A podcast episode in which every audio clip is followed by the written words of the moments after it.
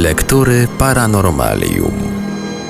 Dziś w naszych lekturach zaprezentujemy fragment książki Lloyda Pye Najbardziej zagadkowa czaszka.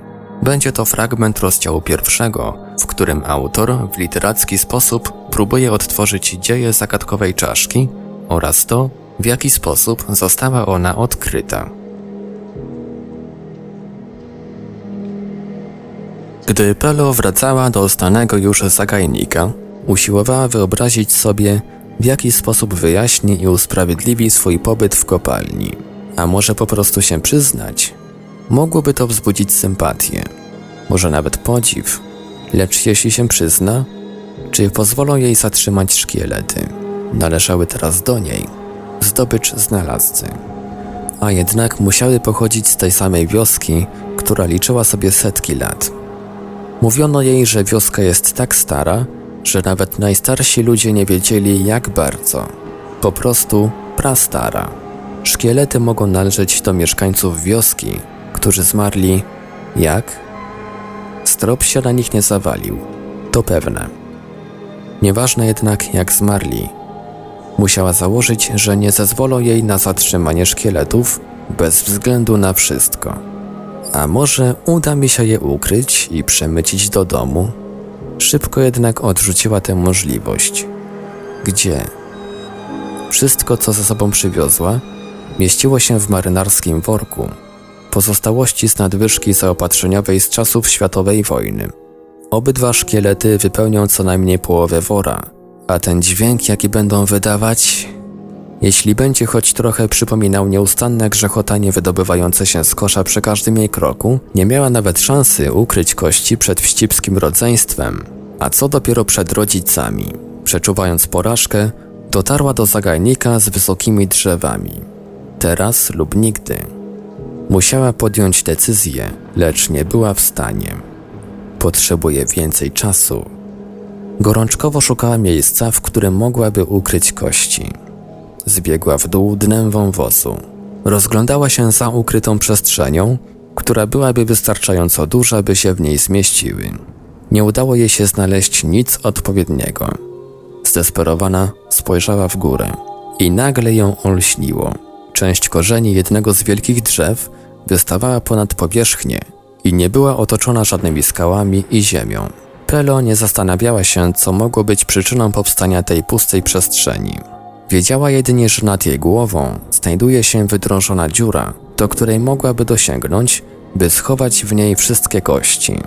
Będą tu schowane przed nadchodzącym deszczem, bezpieczne i suche, do czasu, kiedy zdecyduje, co z nimi zrobić. Pelo wyjaśniła brak jagód i brudne ubranie tym, że spoczęła na chwilę pod zagajnikiem i zasnęła.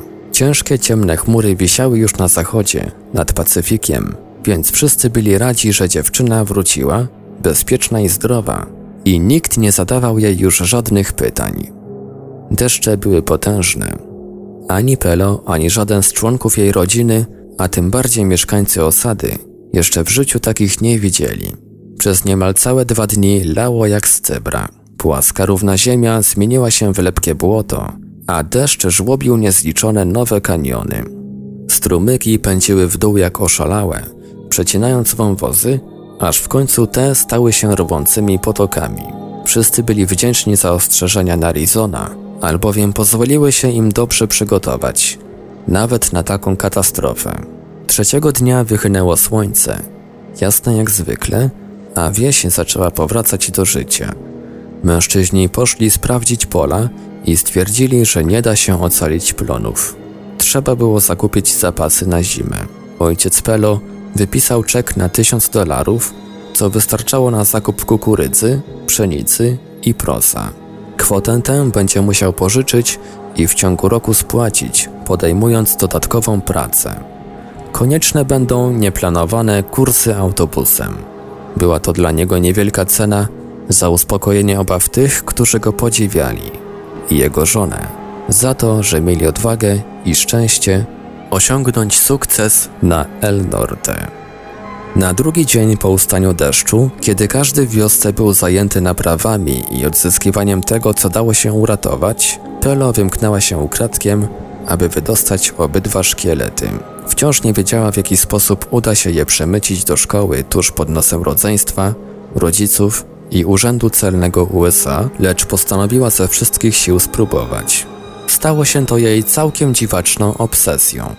Po prostu musiała zrobić wszystko, by spełnić swe marzenie.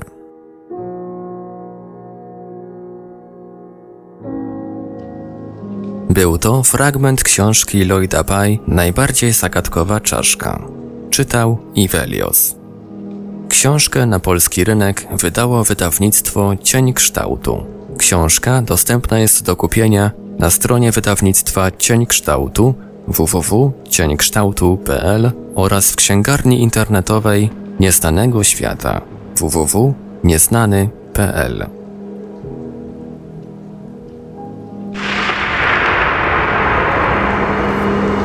Lektury Paranormalium